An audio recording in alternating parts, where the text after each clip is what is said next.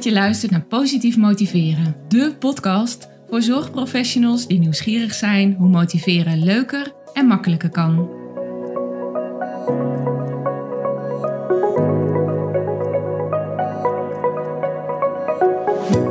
Mijn naam is Marielle Tromp en in deze podcast wil ik jou inspireren met verhalen, inzichten en tips die jij kunt gebruiken om meer resultaat, plezier en voldoening uit je werk te halen. De afgelopen twee weken was het meivakantie. Had ik vakantie. Meivakantie 2021, voor als je deze podcast op een heel ander moment beluistert. En vandaag start ik daarom met een voorbeeld uit mijn eigen leven, aan de hand van een thema waar ik de afgelopen weken heel veel over heb nagedacht. Maar maak je geen zorgen, want ik vertaal dat ook naar voorbeelden die jij zult herkennen. Misschien van jezelf of misschien weer juist van mensen die jij begeleidt.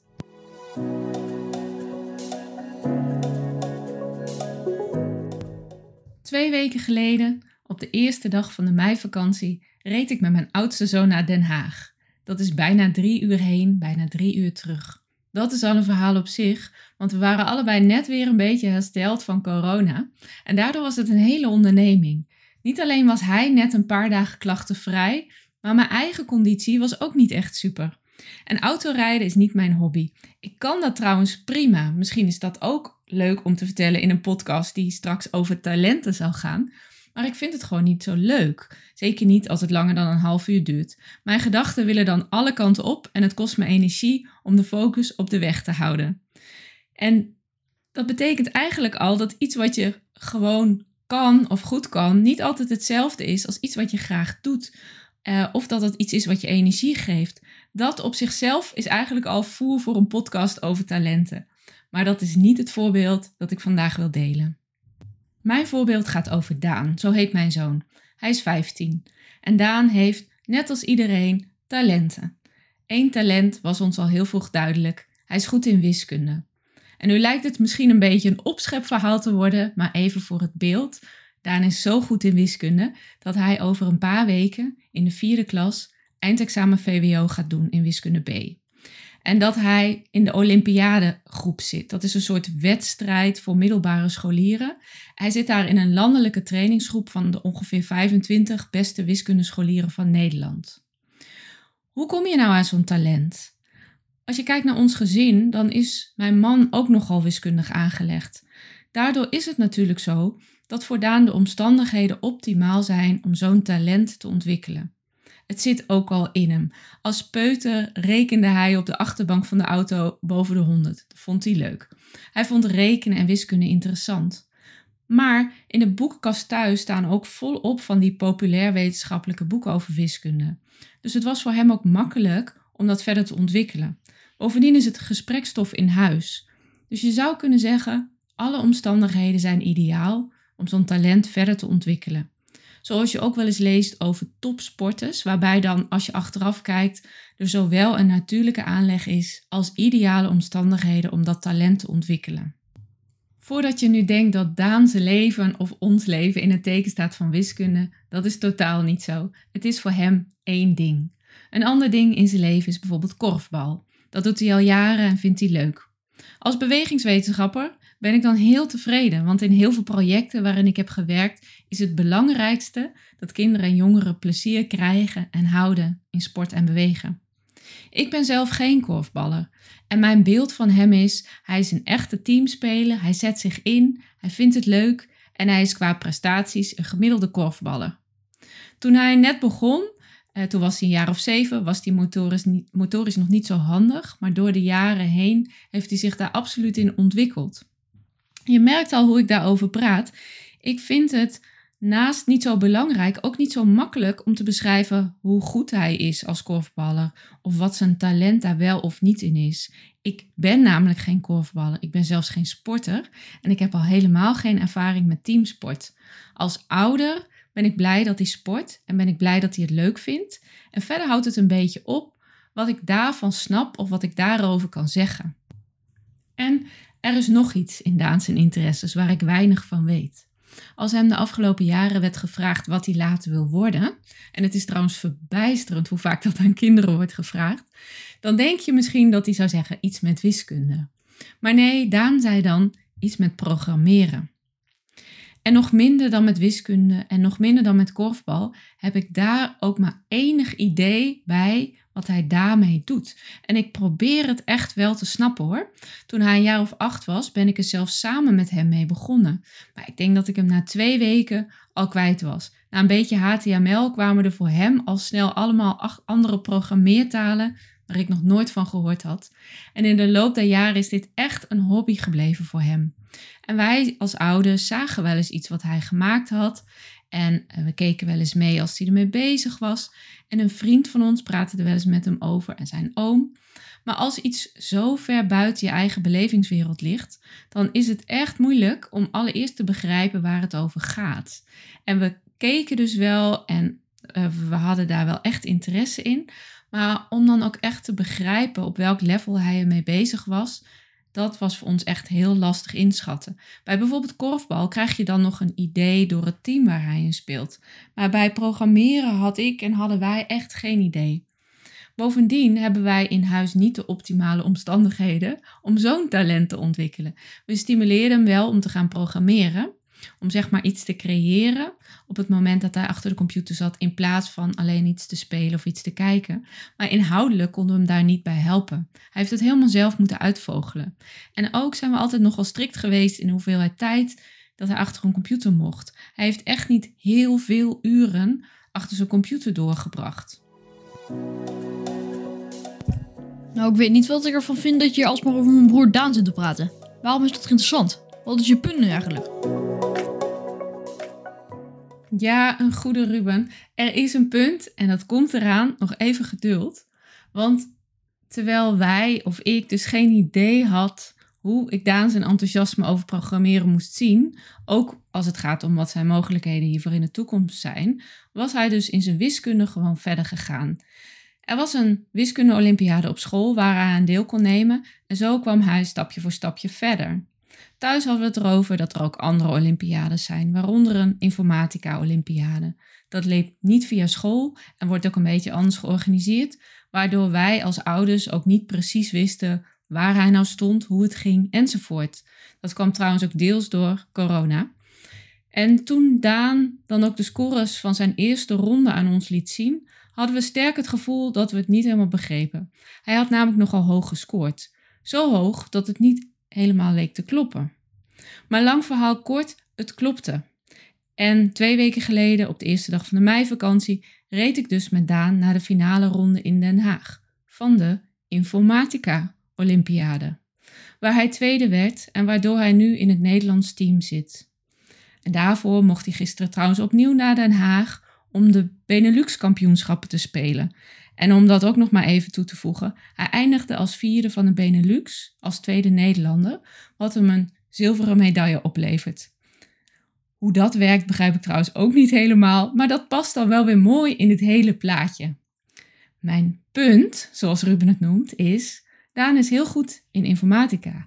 Hij is heel goed in informatica.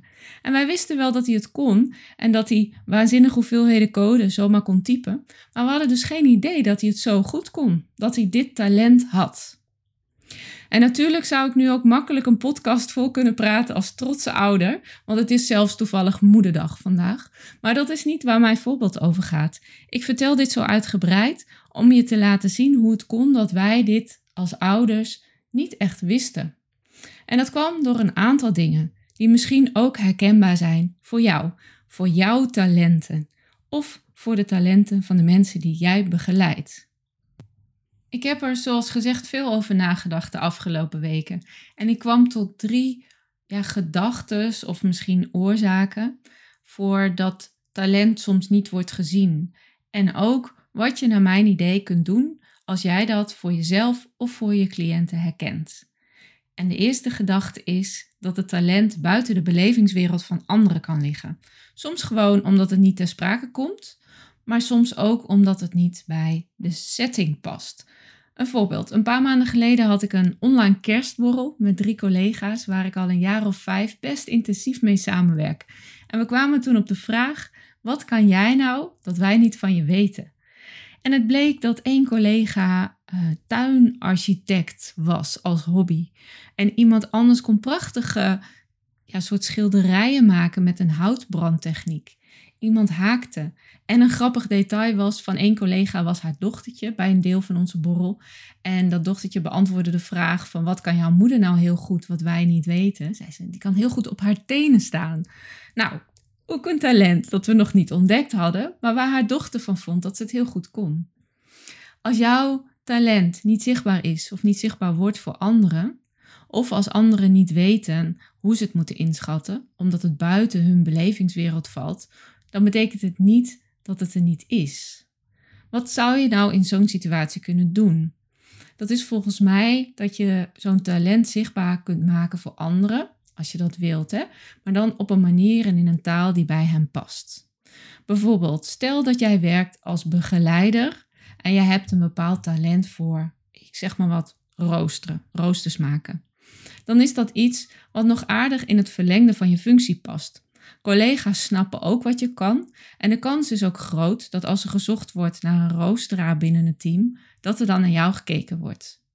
Maar stel dat jij een talent hebt voor iets wat meer buiten je functie valt, dan is het lastiger om dit te laten zien. Wil jij bijvoorbeeld als begeleider jouw tekentalent of schildertalent graag inzetten in je werk, dan heb je wel eens duidelijk te maken dat je hier iets mee kunt en ook te onderbouwen wat dit zou opleveren voor jullie cliënten. Ik denk dat als je in zo'n situatie zit, als je iets goed kunt en je denkt, wauw, als ik dat toch eens zou kunnen verweven in mijn werk, dat het dan heel goed is om te gaan brainstormen hoe je dit zou kunnen doen. Al is het vijf minuten per week. En daarbij moet ik ook meteen denken aan de passie en het talent van Carlien uit de vorige podcast. Zij had het over haar passie voor het thema vitaliteit. En ze ging het gewoon doen. Trok dit thema binnen haar bestaande baan wat meer naar zich toe. Ze zocht mensen met dezelfde passie en ze bouwde dit steeds meer uit en werd steeds zichtbaarder op dit thema. En ik denk aan een bewegingsagoog die ik een paar jaar geleden ontmoette. Zij noemt zichzelf trouwens zwemjuf. Zij heeft een passie voor cultuur en ging zelfs later in haar loopbaan een culturele studie doen. Daarover informeerde ze haar werkgever steeds, ook al had het niets met haar werk te maken. En uiteindelijk heel veel kleine stapjes verder is zij trekker geworden van een cultureel project binnen haar zorgorganisatie. Tip nummer 1 als mensen jouw talenten niet zien, is overwegen hoe je andere mensen meer mee kunt nemen in jouw talent, in wat jij kan. Door dit steeds in kleine dingen zichtbaar te maken voor anderen, op een manier die bij hen past. Wat ik besef is dat er ook heel veel mensen zijn die hun eigen talenten niet kennen of die het lastig vinden om dat te benoemen. Dat is volgens mij voer voor een totaal andere podcast hoe je dat zou kunnen ontdekken. Maar als je daarmee wilt beginnen, dan zou ik eens kijken naar podcast nummer 6. En dat gaat weliswaar over veerkracht, maar daaruit haal je ook al handvatten om je eigen talenten wat meer te gaan ontdekken. En soms ligt jouw talent misschien zo ver buiten je werk dat je helemaal niet de behoefte hebt om het ook daarin te zetten, of dat je dat niet wilt of kunt. En daarmee kom ik op het tweede voorbeeld, een tweede oorzaak dat mensen jouw talent niet zien. En dat is dat de omgeving helemaal niet uitnodigt om je talent in te zetten. Om maar weer even terug te komen op dat het op het moment van opnemen van deze podcast moederdag is. En om bij ons gezin te blijven. In ons gezin speelt het wel of niet kunnen programmeren helemaal geen grote rol. En dat geldt voor meer thema's waarvan één gezinslid het heel leuk vindt. Bijvoorbeeld deze podcast maken vind ik superleuk. En dat vindt mijn gezin dan wel weer leuk, dat ik het leuk vind. Maar dat betekent niet dat ze hem beluisteren. En dat is prima. Wat ik daarmee wil zeggen is dat talent vaak gekoppeld is aan een omgeving of zoals we dan ook wel zeggen context. Bijvoorbeeld denk aan autorijden. Zonder auto weet je helemaal niet of je dat goed kunt. Of denk aan een topvoetballer zonder bal, een begeleider zonder cliënt, een zwemjuf zonder zwembad, een woonlocatie zonder bewoners, een podcast zonder luisteraars of een manager zonder team. En om het maar even heel actueel te maken voor deze coronatijd, een topkok zonder klanten of een winkel zonder bezoekers. Als die omgeving die context er niet is of plotseling wegvalt, zoals bijvoorbeeld het afgelopen jaar gebeurt, dan betekent je talent of je competentie, je vaardigheid, dat wat je kan, opeens iets heel anders.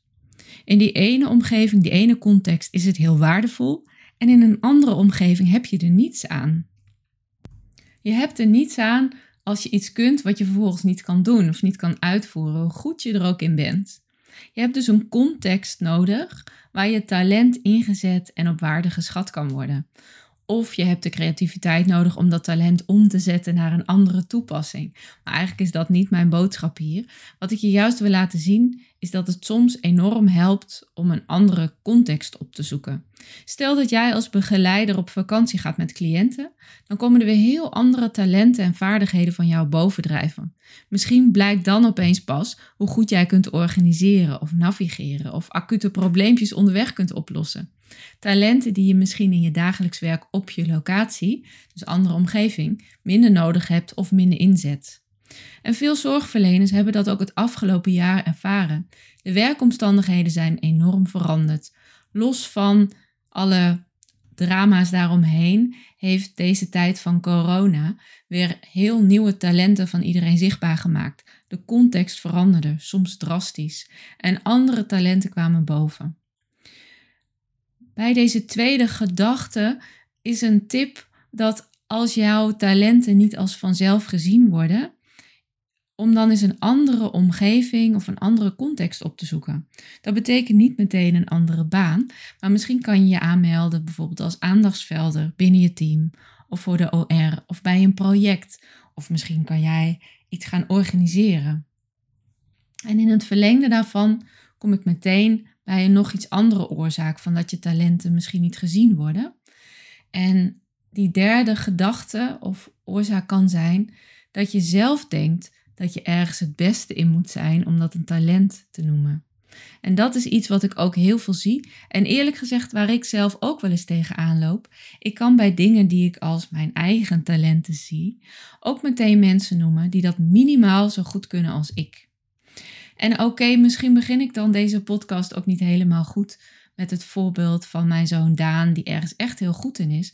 Maar zelfs hij zegt, degene die nummer 1 is, die is echt heel goed. En misschien vind je dit ook herkenbaar. Je bent bijvoorbeeld goed in mensen enthousiasmeren of met ze sporten of eens samen koken. Of je weet misschien heel veel hè, van een inhoudelijk thema. Je hebt een specialisatie, je bent aandachtsvelden. En als iemand dan zegt, joh, wat kan je dat goed? Of wat doe je dat leuk? Of wat weet je veel? Dan kan toch je reactie zijn, oh, maar er zijn nog mensen die veel meer weten dan ik. En misschien herken jij dit helemaal niet, maar ik hoor dit toch best veel om me heen. En bedenk dan, het gaat er niet om dat jij het het beste kunt. Je werk is geen wedstrijd, je leven is geen wedstrijd. Maar waar het om gaat is dat jij iets kan waar je of gelukkig van wordt, of waarmee je anderen kunt helpen. En voor zorgprofessionals geldt soms of vaak dat die twee dan weer samenvallen. Maar dat hoeft dus helemaal niet. En om dan terug te komen op je werk, dan is het waarschijnlijk als zorgprofessional wel belangrijk dat cliënten baat hebben bij jouw talent. En soms werkt het dan zelfs goed als je net begint met een nieuw thema of een nieuwe rol of een nieuw talent, om dat ook open te gooien, om dat open te delen. Ik denk meteen aan een voorbeeld van ergo-coaches. Dat zijn aandachtsvelden fysieke belasting en ik heb daar wel eens eerder blogs over geschreven. Dat het voor iemand in zo'n nieuwe rol juist veel beter werkt om aan te geven: ik ben hier nieuw in en ik weet hier nog niet alles van. Omdat hun werk om het samen met collega's te gaan doen en collega's enthousiasmeren, dan soms juist makkelijker wordt. Als anderen baat hebben bij wat jij kunt, wacht dan niet tot je heel goed bent. Want jouw cliënten hebben er niets aan dat jij denkt dat iemand anders meer kan of meer weet. Jouw cliënten willen jou en jij kunt hen helpen. Dus wacht niet met meer zichtbaar worden tot je iets heel goed kunt, maar laat iedereen direct profiteren van jouw talenten. Samengevat, heb jij het idee dat jouw talenten, of misschien de talenten van jouw cliënten, niet worden gezien? Bedenk dan ten eerste of jouw talent wel binnen de belevingswereld van anderen ligt en help hen eventueel om te zien wat jij kan. Kijk ten tweede of je in de juiste omgeving, de juiste context werkt om je talent in te zetten. En ik bedoel dat dus niet per se als een fysieke omgeving, dus niet als een plek. Het kan ook een project of een team of een thema zijn. En ten derde kan je bedenken, zie jij jouw eigen talent eigenlijk wel als talent? Of vind je dat je eerst nog beter moet worden? Ik denk het namelijk niet. Ik denk dat je dat wat je kunt meteen in mag gaan zetten, zeker als je cliënten daar baat bij hebben. Tot slot nog even dit. Ik vind het bijzonder dat je luisterde en dat ik even met je mee mocht vandaag. Dank je wel.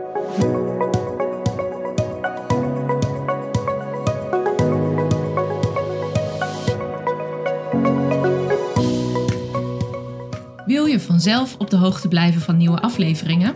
Abonneer je dan op Positief Motiveren in jouw favoriete podcast-app. Op www.positiefmotiverenpodcast.nl leg ik je uit hoe dat werkt en vind je bovendien alle afleveringen inclusief de links naar extra informatie. Ook lees je hier hoe je met mij in contact kunt komen. Want ik vind het echt leuk om van je te horen. Ben je enthousiast over deze podcast? Dan zou ik het enorm waarderen als je helpt om deze breder bekend te maken. Dat kan door deze podcast met collega's te delen of deze te delen op jouw sociale media kanalen. Graag tot de volgende keer.